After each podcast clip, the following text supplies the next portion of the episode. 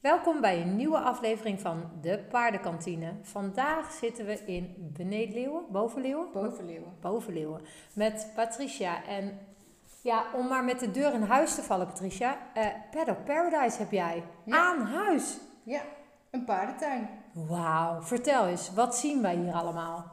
Ehm, nou, eigenlijk zie je een, ehm, een niet al te groot stuk land. Dat is ook de reden geweest waarom we dat gingen doen.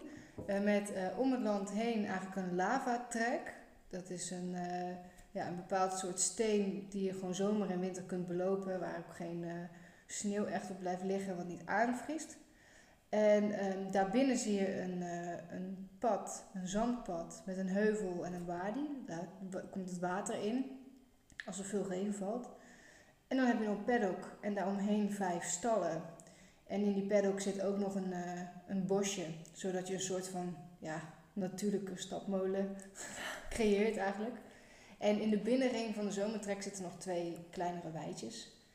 Ingezaaid met eh, ja, paardenkruiden, paardenmengsel, graszaad. Wat goed is voor paarden. Dus geen Engels rijgras. Oeh, zo hé. Maar daar is goed over nagedacht dus. Zeker, ja. Daar, daar is zeker goed over nagedacht. Ja. En hoeveel paarden staan er? Er staan er nu vijf. Er stonden er vier. En eh, dat is ook echt wel genoeg. Eh, maar het voordeel is dat ze, ze kunnen altijd lopen. Dus 24-7 kunnen ze bewegen en, en ook weg van elkaar. Dus dat is wel, eh, wel heel fijn. En om alle paarden heen hebben we ook eetbare paardenplanten gepla- geplant. Dus een paardenhaag en allerlei bosjes die een paard mag eten. Bomen waar ze van kunnen eten. Dus ja, daar eten ze ook van. Oh, leuk. En ehm gebruiken ze allemaal voor de sportpaarden of zijn ze aan het rentenieren? Eh, eentje is met eh, pensioen. Eh, de ander is net drie geworden, dus die, is, nog, ja, die zijn we nu aan het opleiden om in elk geval onder het zadel verder te gaan. En dan hebben we nog een, eh, een 17-jarige die op dit moment Z1 bij de paarden loopt. En een E-pony die eh, Z2 bij de ponies loopt en Z1 bij de paarden start. Dus, en nog een, een meisje wat hier haar paard heeft staan die recreatief eigenlijk rijdt. Dus eh, die paarden doe je niet allemaal alleen. Nee. dus niet allemaal alleen, nee. Vertel, wie Nee. doet wat? Nou, eigenlijk degene die met pensioen is, is mijn paard. Eh, dus dat is jammer. Want die, eh, ja, daar heb ik van alles mee geprobeerd, maar uiteindelijk bleek hij toch elke keer niet goed genoeg. En dacht ik, ja, waar doen we het voor? Het is beter als hij gewoon ja, de plek in de kudde gebruikt die hij, of in de groep eigenlijk moet ik zeggen, die hij goed aan kan. En dat is de boel onder controle houden. En verder ben ik daar dus niet op gaan rijden. En toen ben ik wat meer op het, eh, op het paard van mijn vriend gaan rijden. Eh, en ook eh, wedstrijden mee gaan starten. Dus eigenlijk, dat is Painted, die loopt met mij wel Z1, met Michel eh, L2, maar die doet ook aan Working Equitation. Dus start hij nu, nou ja, komende zaterdag gaan we naar het Open NK in Zomeren. En dan doen we WE1, tenminste Michel en hij. Superleuk, superleuk. Ja, dat is superleuk. Dus die rijdt, eh, rijdt hem zeker ook. En eh, de pony is eh, van zijn dochter, Sterre. Die rijdt dus bij de ponies fanatiek. En eh, Je zit ook in een team of zo, hè? Een ja, in het. HTC bij Oh, superleuk. Ja, ja. ja, dat is leuk omdat je dan toch weer een keer van iemand anders wedstrijd, eh, ja, wedstrijdbegeleiding, maar ook al lessen hebt. Ja. En daar doe je ook wel weer wat kennissen en ja. Andere kennis en ervaring op natuurlijk. Ja, Ja, ja, ook mensen, dus het is ook leuk, Leuk, om wat ja. meer te leren kennen. Ja. Dus ja, en dan die, eh, die jongen, die doe ik wel voornamelijk alleen. Eh, Het is ook de bedoeling dat het mijn paard wordt, dus eh, dat is ook goed. een band mee aan het opbouwen. Ja, ja. Nu doe je daar grondwerk al een beetje mee, toch? ja, nou we hebben er grondwerk mee gedaan. Dat, is, dat doet Michel vooral, die is daar goed in. Die vindt het ook wel leuk om te doen. En ik ben sinds kort met uh, Romy Huisman gestart met werken aan de hand. Dus dat is meer dressuur aan de hand. Waarmee we de intentie hebben om dit jaar gewoon alles te leren ehm, wat hij nodig heeft om mij te kunnen dragen. Dus, eh, maar ook wel weer een stapje verder. Dat het, eh, het stapje als je erop zit nog maar heel klein is. Dus we zijn nu bezig met wijken, schouder binnen, schouder buiten, balans houden, ehm, een beetje het gewicht verplaatsen, achterwaarts, voorwaarts. En dan allemaal met cues, zodat hij dat ook goed leert. Maar bijvoorbeeld ook eh, inparkeren bij het krukje. Wat Ja. natuurlijk heel handig is als je straks gaat rijden. Zeker. Dat je hem gewoon met je zweep kunt vragen. Door je zweep omhoog te houden en in te vragen. Dat hij gewoon zich Naar binnen in komt. parkeert. Ja. Dan kan je erop. Ja, en dan kan je er gewoon op gaan zitten. Dus eh, Vindt hij het leuk? ja, super Ja, het is super braaf paard. Oh, leuk om Ja. te horen. Ehm, wie ben jij zelf eigenlijk en hoe ben je aan dit paardenvirus gekomen? Ehm, ik eh, ben toen ik vier was eigenlijk al begonnen met paardrijden. Toen kon dat nog. Nu mag dat niet meer. Maar, Nee, eh, klopt, ja. Dat wilde ik heel graag. En heb ik echt om gezeurd. En toen ben ik gaan paardrijden in Breda. Manege de Krabbenbossen. En toen wilde ik natuurlijk ook graag een pony, want dat wil ieder meisje. Alleen mijn vader zei, je moet eerst leren rijden, want anders verpest je het paard meteen. Dus je moet eerst goed rijden.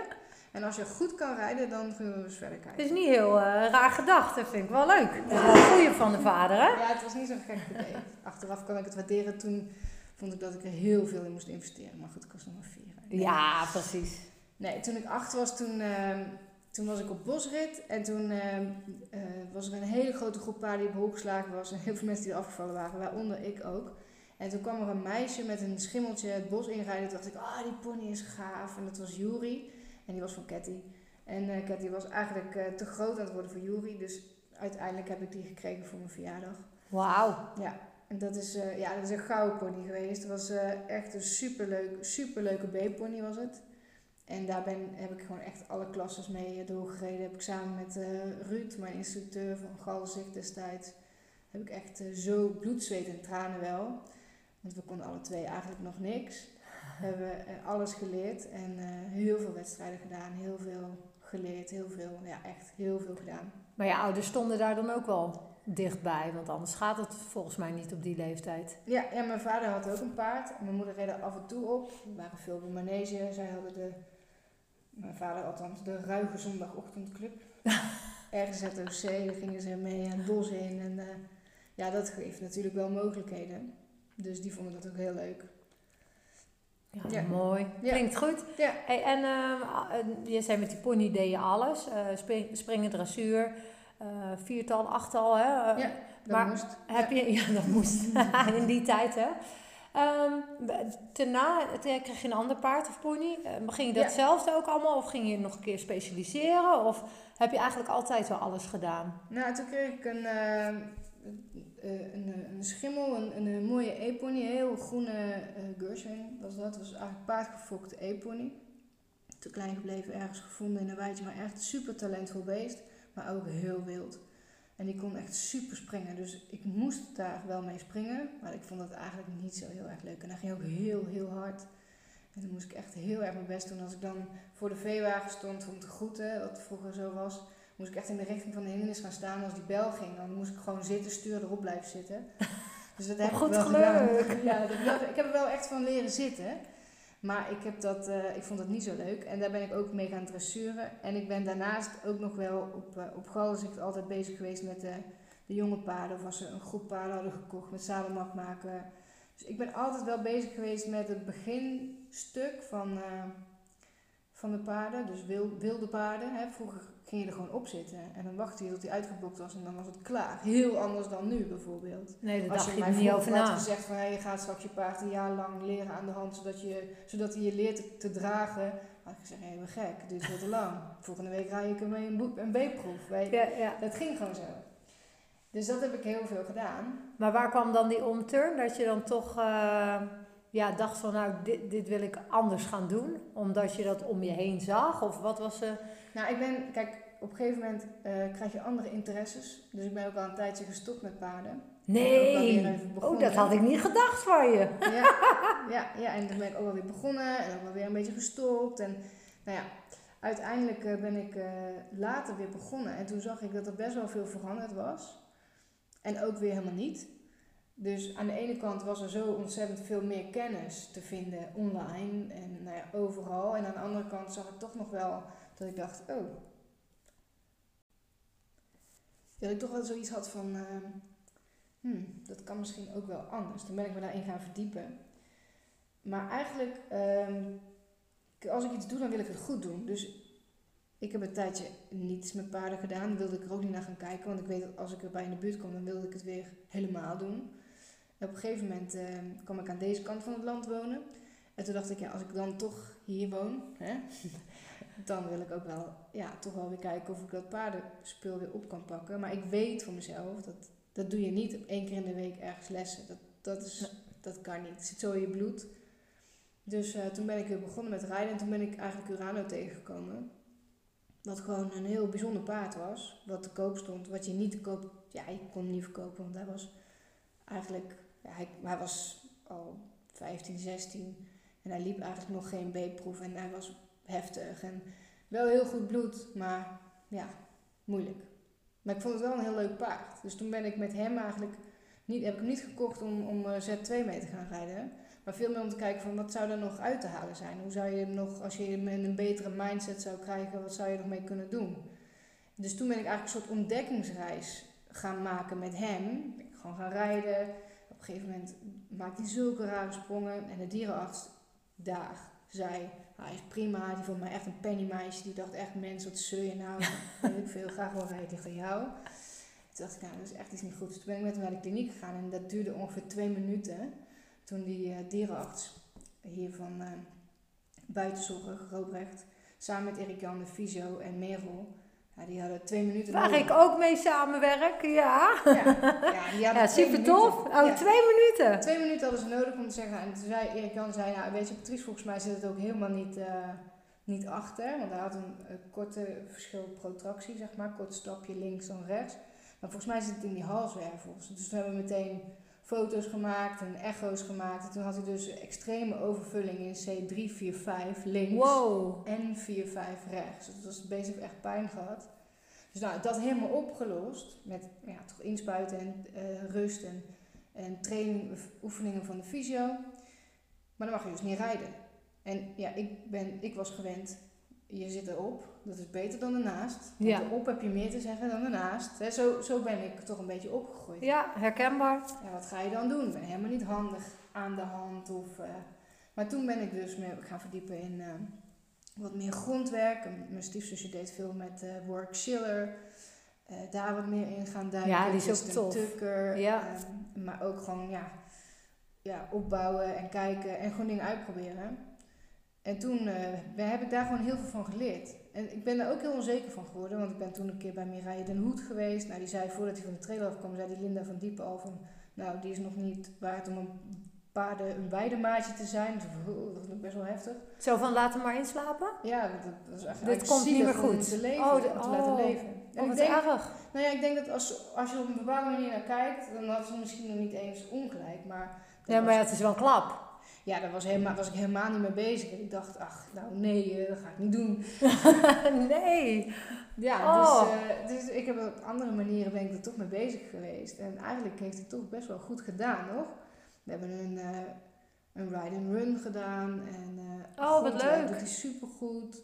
We hebben toch nog zeg maar de hele B uitgereden op wedstrijd, de trailer in. Het, was allemaal, het waren allemaal Obstakels. Ja, ja allemaal overwonnen, stukje voor stukje. maar daar heb je ook veel geleerd van zo'n paard, ja, dat is het, dat is het. Ik heb hem ook niet gekocht om, om hem uh, in de topdressuur te rijden, maar ik heb zoveel geleerd van gedrag, van tussen aanhalingstekens probleempaarden, van, van een lijf van een paard, van grondwerk, van dingen oplossen. Het is echt een persoontje, hè, dan? Ja, en als je ziet hoe hij er nu bij staat, je kan er een zak overheen doen, eh, weet je wel, met plastic en alles. Hij is zo doodbraaf zo relaxed, zo oké. Anders geworden. Ja, dus het is echt, ik zeg wel eens, ik had hem graag gehad toen hij drie was. Ja. Aan de andere kant heb ik zoveel van hem geleerd. Dat kan ik altijd. Nou had je die reis niet gehad. Nee, precies. Nee, was het heel anders geworden. Ja, exact. Dus dat is wel, uh, wel echt leuk.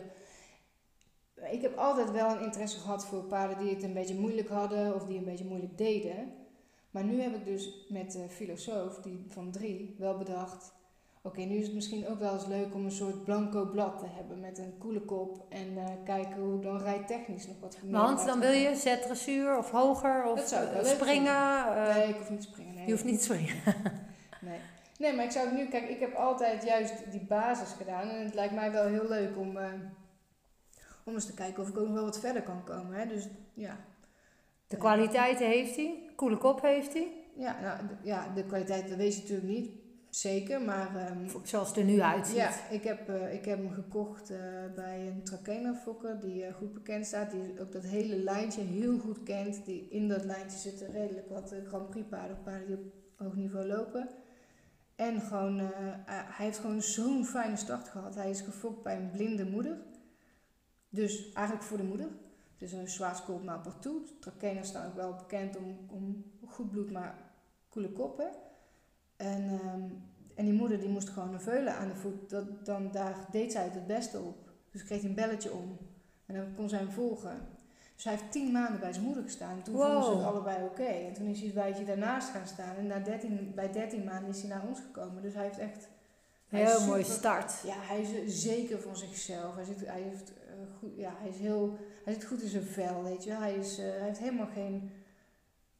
Ja, weinig trauma's meer. Ja, gelukkig hè? Heerlijk. En dat merk ik ook met, uh, met alles wat ik met hem doe. Hè. Dus hij, is, hij leert supersnel, want hij is jong. Maar als hij schrikt, dan schrikt hij. En daarna is hij ook weer oké. hij is super op ons gericht. Dus ik ben gewoon benieuwd dat als je nou een paard heeft wat een goede start hebt, waar je van begin af aan zelf bij bent geweest, ja, of dat helpt. Hè? Ja.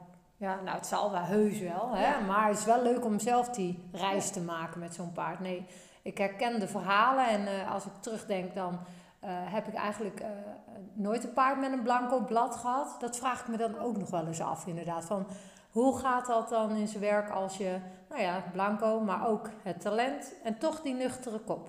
Maar goed, sprookjes staan in boekjes. En voor jezelf, op je eigen manier opleidt, zeg maar. Dus helemaal naar je eigen hand zet. Dat is dan nog wel... Ja, ja, de uitdaging. Ja. Maar, um, want ja, nou hebben we het gepra gepraat over wat je hier allemaal hebt uh, opgebouwd en wat je voor paarden hebt en je verleden een beetje. Maar wie ben je in het dagelijks leven? Um, in het dagelijks leven ben ik ehm, samen met Michel, eigenaar van Onderwijsarena. Dat is een bedrijf in ja, onderwijsprofessionalisering. Dus we doen heel veel training op het gebied van didactiek en ICT. Oh, maar daar heb ik natuurlijk herkenbare dingen van de paardensport natuurlijk. Ja. Heel mooi. Ja, Dat sluit denk ik wel goed aan. Ja, ja. het lesgeven bedoel je? Ja. En nou, kijk, ik vind sowieso, ik heb zelf als docent Engels lang lesgegeven en ik vind uh, omgaan met paarden is zoiets als omgaan met een groep pubers. Er zitten heel veel parallellen voor mij, omdat ik, uh, je wint het van een paard niet op kracht. Nee. En je wint het van een klas pubers, 30 pubers, win je het ook niet op kracht. het gaat om de relatie die je met elkaar hebt en het, en het wederzijds respect. En dat, daarin zie ik heel veel parallellen. En daarom vind ik het ook leuk om bijvoorbeeld met schoolleiders wel eens een workshopje leidinggeven leren van en met paarden te doen. Omdat het heel erg gaat over het spiegelen. als je een hele stoere ehm, schoolleider bent, maar eigenlijk voel je een heel klein mevrouwtje of meneertje, dan zie je dat meteen terug in de paarden. Dus, dus dat is super leuk, omdat ze spiegelen. En dat doet, dat doet voor mij een groep kinderen ook. Als er een, als er een, ehm, een jonge docent binnenkomt die eigenlijk heel onzeker is, maar de tip heeft meegekregen, de slechtste tip ever trouwens van collega's. Je moet gewoon lekker streng beginnen, dan, uh, hè, dan heb je honden. Kun je daarna altijd vriendelijk worden.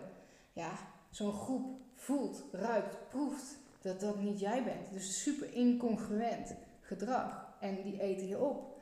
Terwijl als iemand die zelfverzekerd is, binnenkomt en die zegt: Hé hey joh, je komt in mijn klas binnen, dus ga lekker zitten. Die heeft dat vaak helemaal niet.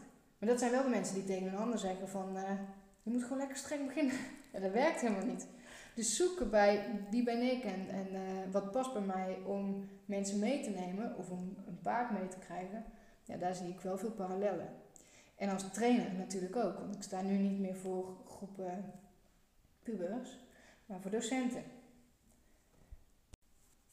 En met docenten is het zo dat, dat je eigenlijk nog steeds die leerlingen herkent. Want je hebt altijd iemand die, uh, nou ja, dat is Pietje uit uh, Twee Maven of uh, Maria uit Zes Dat gedrag, zeg maar, ja, dat spiegelt heel erg ook door een groep docenten. Dus, dus je bent altijd wel aan het spelen met die groepsdynamiek. Maar dan komen de groepen hier bij jou? Of hoe werkt dat dan? Nee, we gaan eigenlijk altijd naar scholen toe. Ja. Dus vaak is het op een school een, een scholing of een training of coaching. Um, en we hebben ook online trainingen. Dus binnen Onderwijs Arena hebben we uh, een agenda met twee, drie activiteiten in de week. Die zijn online en daar kunnen docenten die werken bij scholen door het hele land, zeg maar, gewoon zelf um, inloggen en daarmee ja, ja. aan dus de dat is wel heel leuk, want als je dan als enige van jouw school iets wil doen met uh, formatief handelen, dan kun je daar gewoon inschrijven. En dan kom je iemand tegen, en ook al woon je in Zuid-Limburg, dan kom je iemand tegen uit Texel en uh, Amsterdam. En dan heb je met elkaar toch even een teampje, werk je aan iets en ga je weer terug. Dus dat Oh, is het ja. idee van de, de arena. Met het idee dat je daar elkaar treft. Onze tagline is samen scholen met collega's, omdat we van leren ons vak hebben gemaakt. Dus dat je ook echt even met gelijkgestemden kunt halen en brengen van kennis en expertise. En gemotiveerd eh, weer eh, terug je klas in gaat. Ja, ja, want ik denk dat het best wel lastig is op het moment. Ik geef eh, wel aardig wat eh, leraressen en leraren eh, les, zeg maar. eh, instructie voor paarden. Maar ehm, ja, als ik het hoor, is het wel een, echt een pittig vak ook. Mensen dat echt wel lastig vinden met die pubers. Ligt natuurlijk ook aan welk niveau, maar Ja, ik denk soms geef mij maar een klas pubers in plaats van een klas docenten. Maar, Ja? want wat is het grote verschil? nou, kijk, eh, ik denk dat in de basis zit er niet zoveel verschil. Je hebt een, je hebt een groepsdynamiek en je hebt ehm, leidertjes en mensen die volgen. En dat, dat is eigenlijk precies hetzelfde. En eh, dat maakt het ook zo leuk om naar een groep paarden te kijken. Daar zie je exact dezelfde dingen. En dat heb je natuurlijk in een groep pubers net zo goed als in een groep docenten. Alleen docenten zijn volwassen mensen, dat is een verschil. Je bent eh, gelijkwaardig, hè? dus dat is toch echt wel een beetje anders. Eh, en docenten zijn heel erg gewend om eh, king of their own castle te zijn. Hè? Dus je komt Ja. in mijn klas normaal gesproken en nu zit je daar. En dat is voor best veel eh, leraren best wel lastig. Om dan Dat noem ik de eilandjes. Ja, in de paardenwereld. Dat, dat noem ik bijvoorbeeld inderdaad iemand die heeft een manege en die zit op zijn manege-eilandje. En die zijn ook echt hard to reach, zeg maar. En bij jou komen ze dan naar de arena toe, dus staan ze er wel al voor open. soms als ze komen naar de arena is het een ander verhaal. Maar Ja. als wij eh, naar scholen toe gaan, komen we gewoon in een team. In hun eiland. Ja, ja, en normaal dat gaat goed hoor, maar daar moet je wel wat voor doen. Dus, dus, dus de, de core business van mij is niet trainingen geven of mensen coachen of wat dan ook. Mijn core business is verbinding maken, connectie maken en zorgen dat je samen iets kunt doen. Ja, en dat is ook weer een parallel natuurlijk met, met paarden. Dus je moet een connectie maken voordat je iets kunt doen. Maar gaat het dan bij jou natuurlijk, op je natuurlijk instinct? Of heb je daar wel een beetje een ja, basisboek voor ontwikkeld ondertussen in jezelf? Of in, Nou, misschien überhaupt wel, want die hebben een boek geschreven ook, hè? Ja, twee. Twee alweer, Ja. jemig. Nou ja, nee, ik denk dat, ehm, ik denk dat mijn hele vroege ervaringen met paarden wel hebben bijgedragen aan, eh, aan die ontwikkeling. Daarnaast zal het ook al een beetje in je zitten en kun je het ook wel ontwikkelen. Ehm, maar het is, het is meer een houding dan een vaardigheid, denk ik. Je moet meer de oprechte interesse hebben om die verbinding te willen maken dan dat je per se een trucje hebt om iets te doen. Je ziet heel snel of het een trucje is, of iemand echt verbinding maakt of niet. Ja. Dus dat is, dat is volgens mij meer openstellen. Maar is dat met paarden niet eerlijker dan met mensen? Of zie jij daar doorheen? En is mijn gezicht voor een paard makkelijker als het gezicht van een mens? Nou, ik denk, ik denk, en dat, dat is een mooi voorbeeld, als je ziet dat zo'n klas pubers, ook al kom jij heel streng binnen, zij voelen, ruiken dat jij dat niet bent. Dus ik denk dat dat met een groep docenten net zo goed is, of met welke groep dan ook. Dus ik denk aan de ene kant kun je je gezicht netjes in de plooi houden en doen alsof je geïnteresseerd bent, maar ergens voel je toch of je een connectie hebt met elkaar of niet. Ja. Ik denk het wel. Als je daarvoor open staat, eh, tenminste. Ja, ja. Ja, dat is wel mooi. Het is ook wel grappig om dan eh, te zien dat dat verlengd is. Maar is het dan niet, als je thuis komt eh, met dat paard, dan best wel nog vermoeiend? Ik bedoel, als je dat de hele dag al hebt gedaan en die observatie en... Nou ja, dan eigenlijk begint je verhaal met het paard weer overnieuw.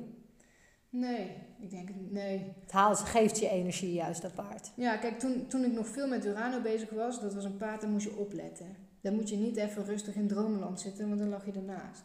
Dus het zorgde ook voor dat ik volledig bij hem was. eh, en niet ergens anders. Dus het is, dat is ook een manier om uit te schakelen of om af te schakelen of om echt even uit je context te komen van je werk. Da- daarom denk ik dat paardrijden super ontspannend is, omdat je je kop erbij moet houden. Ja. En je kunt even niet iets anders doen. Nee, want wanneer heb je dan dat boek geschreven? Eh, Ergens. Nou ja, die- dat eerste boek, dat heb ik samen met Miso geschreven natuurlijk, in eh, 2016. Dat hebben we eigenlijk grotendeels in de zomer geschreven.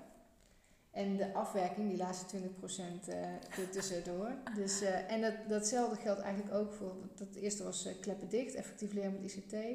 En het tweede was kleppen open, actief leren met ICT. Um, het zijn geen romans, hè, dus het is meer een, een boek wat je kunt gebruiken in je onderwijs. Dus het is heel praktisch en toegankelijk. Dus het zijn dingen die wij tegenkomen in onze trainingen of literatuur die we bij elkaar brengen en praktisch maken. Want ik denk dat daar onze kracht ligt. Dat we van alle modellen, theorieën en hoe het zou kunnen zijn, gewoon hele praktische dingen maken en het ook zelf doen. Dus laten zien hoe het werkt en dat het werkt.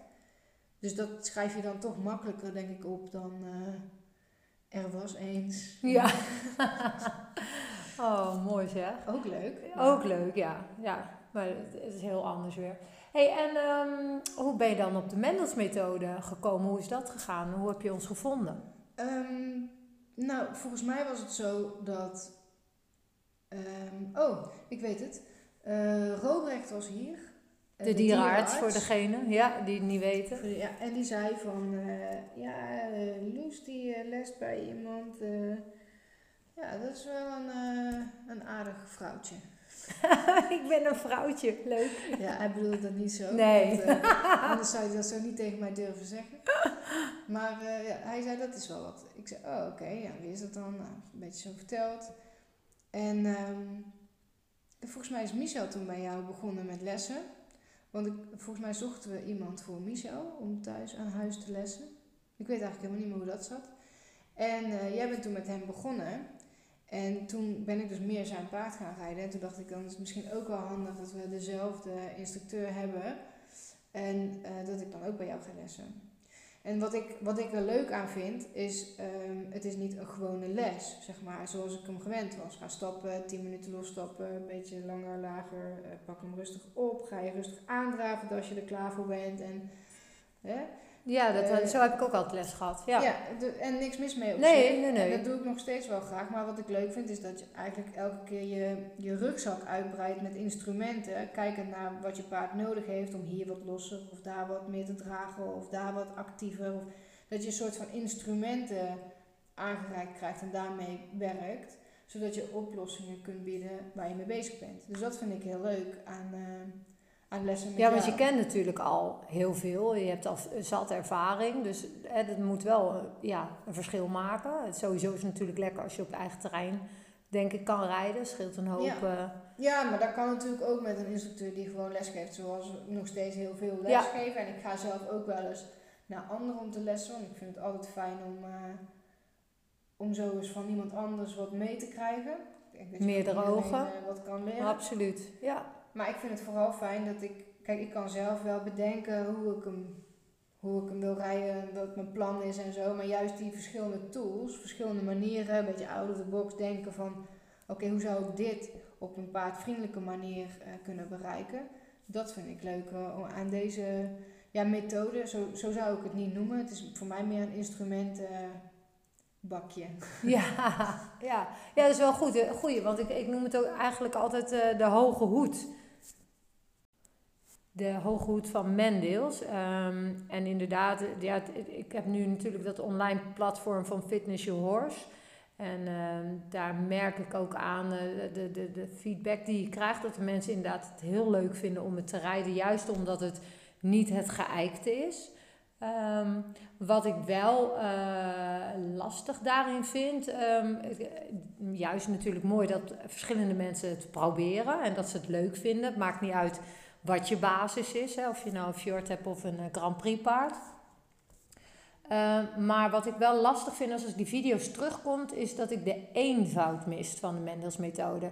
Hè, want ik eh, kom eigenlijk altijd ook op bij jouw paard terug. Hè. Jouw paard is, uh, is niet vanzelf. Hè. Het is een diesel, hij moet opstarten. hij heeft een supergoed achterbeen, hij heeft een goed lijf.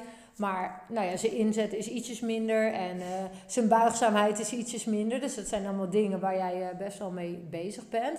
Um, en wat ik altijd zo mooi vind is als jij gaat trainen met hem, um, dat je uiteindelijk merkt dat je toch dat compacte kan uitleggen in nul, hè, in de totale ontspanning, maar ook weer bij elkaar kunt krijgen in nul.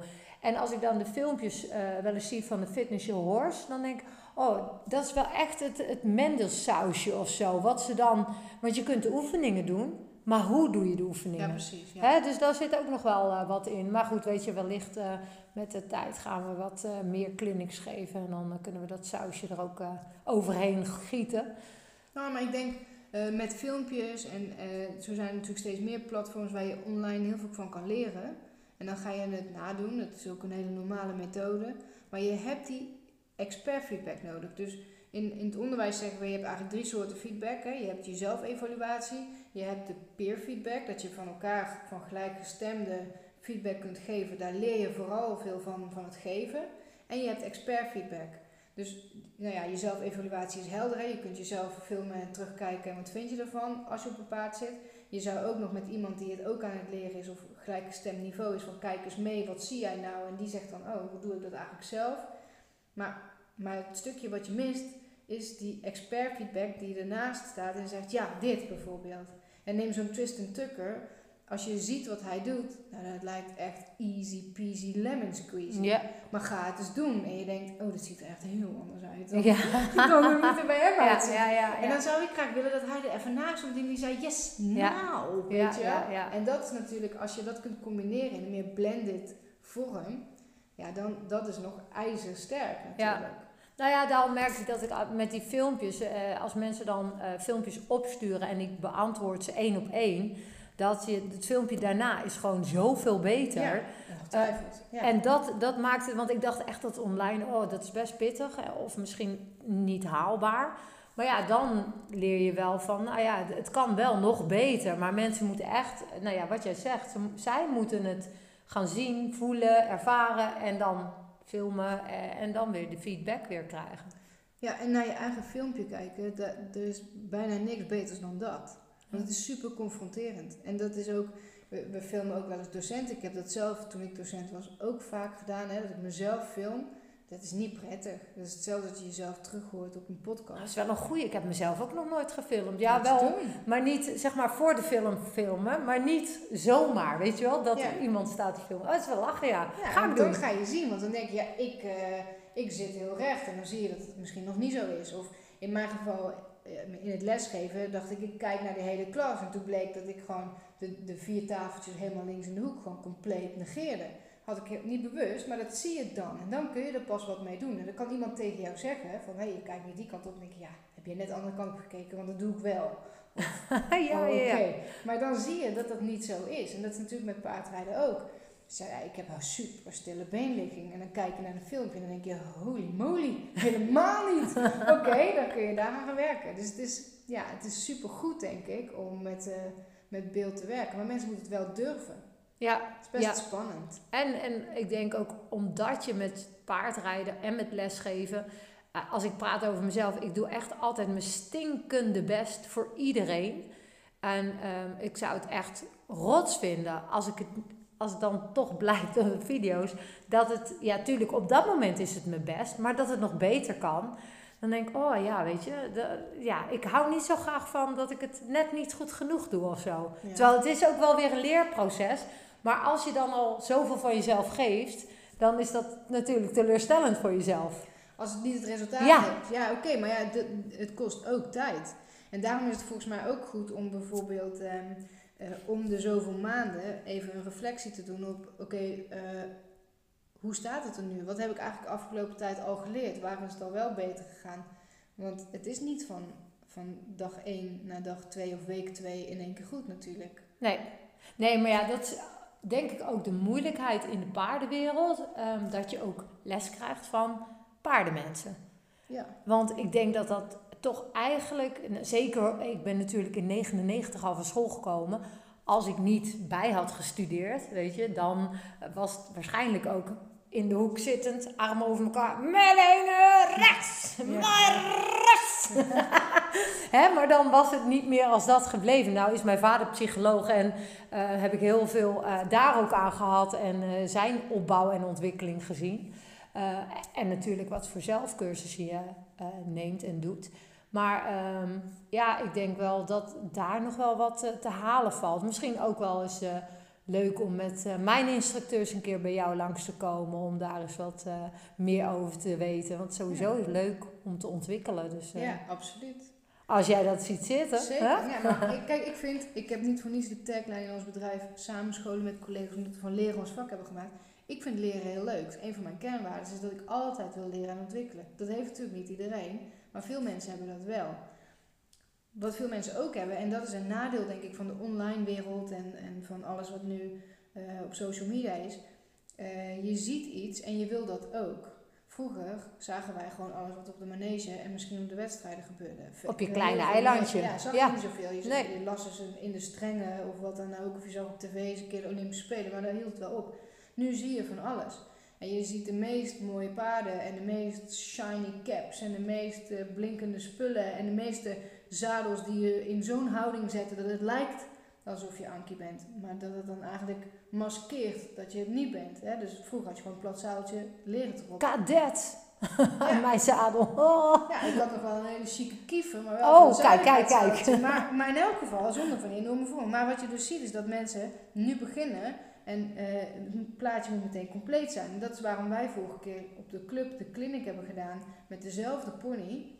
Met een klein meisje die een B-proef doet en een wat ouder meisje die een Z2-proef doet op diezelfde pony. En dan zie je dus dat het evenwicht is anders, eh, de, de manier waarop ze rijden is anders, hoe die pony loopt anders. En dat is dus oké. En dat meisje wat die B-proef reed, heeft feedback gekregen hoe zij in die B-proef, of dadelijk die L-proef, nog betere punten scoort. En dan gaat het om altijd op het goede been licht rijden. Mooi die hoeken in, goede, mooie ronde voltes op de letter. En in het Z2, ja, dan mag je vragen dat er al iets meer opgerichtheid is, of iets meer verzameling is. En dan mag je ook iets strenger zijn op hè, dat lijntje of eh, die lengtebuiging. Maar dat is wel iets anders. Dus je moet ook de tijd krijgen, denk ik, Maar om te ja. ontwikkelen. ja, want we kijken vaak naar het paard. Maar van de ruiter wordt niet gevraagd. Als hij die bling bling aan heeft, dan, dan moet hij het maar kunnen. Ja, precies. Ja, Ja, dus, dus, dus en dat vind ik mooi, want jij werkt met eh, Merel en eh, onder andere Erik Jan. En dan zie je ook, zij hebben een superleuke clinic waarin zij samenwerken. De een kijkt vooral naar het paard en de ander naar de, naar de ruiter. En hoe kun je die nog beter op elkaar afstemmen? Ja, dat zijn volgens mij activiteiten die we nu heel erg nodig hebben. Ja, ik denk dan toch weer terug naar nul. Want als dat paard, dat zetpaard, in nul loopt, kan die ruiter in nul leren zitten, leren rijden, re- leren voelen. Kan je je tools gaan uit de eh, tas gaan trekken, want dat paard heeft al tools. Dan kan jij als instructeur, ik in dit geval, die ruiter wat één ding tegelijk leren of mee laten nemen. Waarin zij weer feedback krijgen van hun paard, omdat die het al kent. Ja, dat, Dat zou goed kunnen. Ja, ja. Dat is echt, eh, ja, dat lijkt me wel echt heel mooi.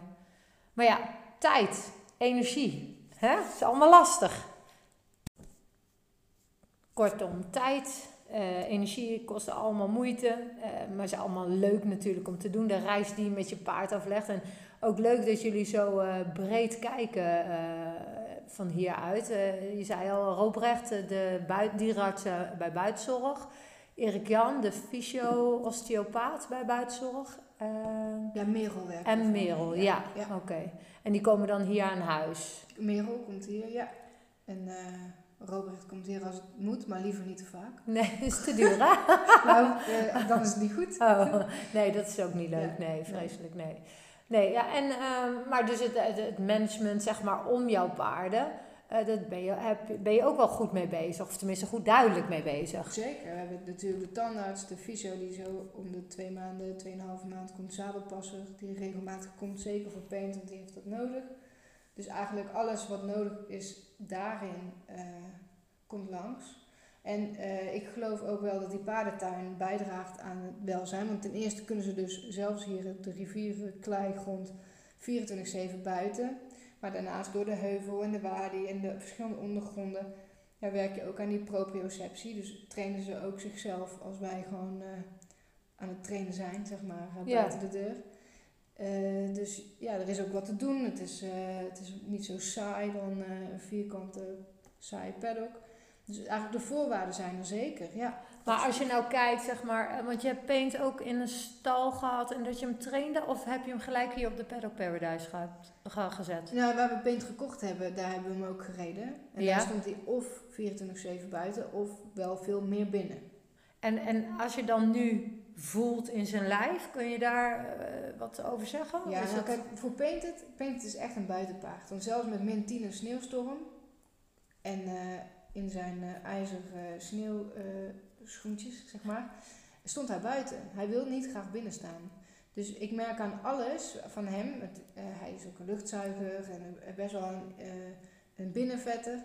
Als hij lekker buiten kan en kan bewegen en rondjes kan lopen, dan zit hij zoveel fijner in zijn vel. Hij wordt super eh, zelfverzekerd. Hij, is, eh, hij speelt dus heel erg veel met die kleine en dan ook echt flink spelen. Hij laat zich niet aan de kant zetten. Dus voor hem is dat echt wel mentaal in elk geval ehm, heel goed geweest. Ja. Oké. Kijk, niet ieder paard is Nee, ja, precies. 24/7, hè. Ja, ja. Want dat, dat- je, hebt zo, je hebt dan ook hier weer dat polariserende twee kanten. Eh, voor hem is het fantastisch. En dan hebben we die driejarige, Philo. Nou, als er een druppel is, dan rent hij naar de dichtstbijzijnde stal en dan gaat hij daar staan. In de tent. Daar houdt hij helemaal niet van. Die, als je hem de kans geeft, soms zet ik hem dus s'nachts eh binnen als er iets is of wat dan ook. Zoals nu, dan staat hij s'nachts binnen.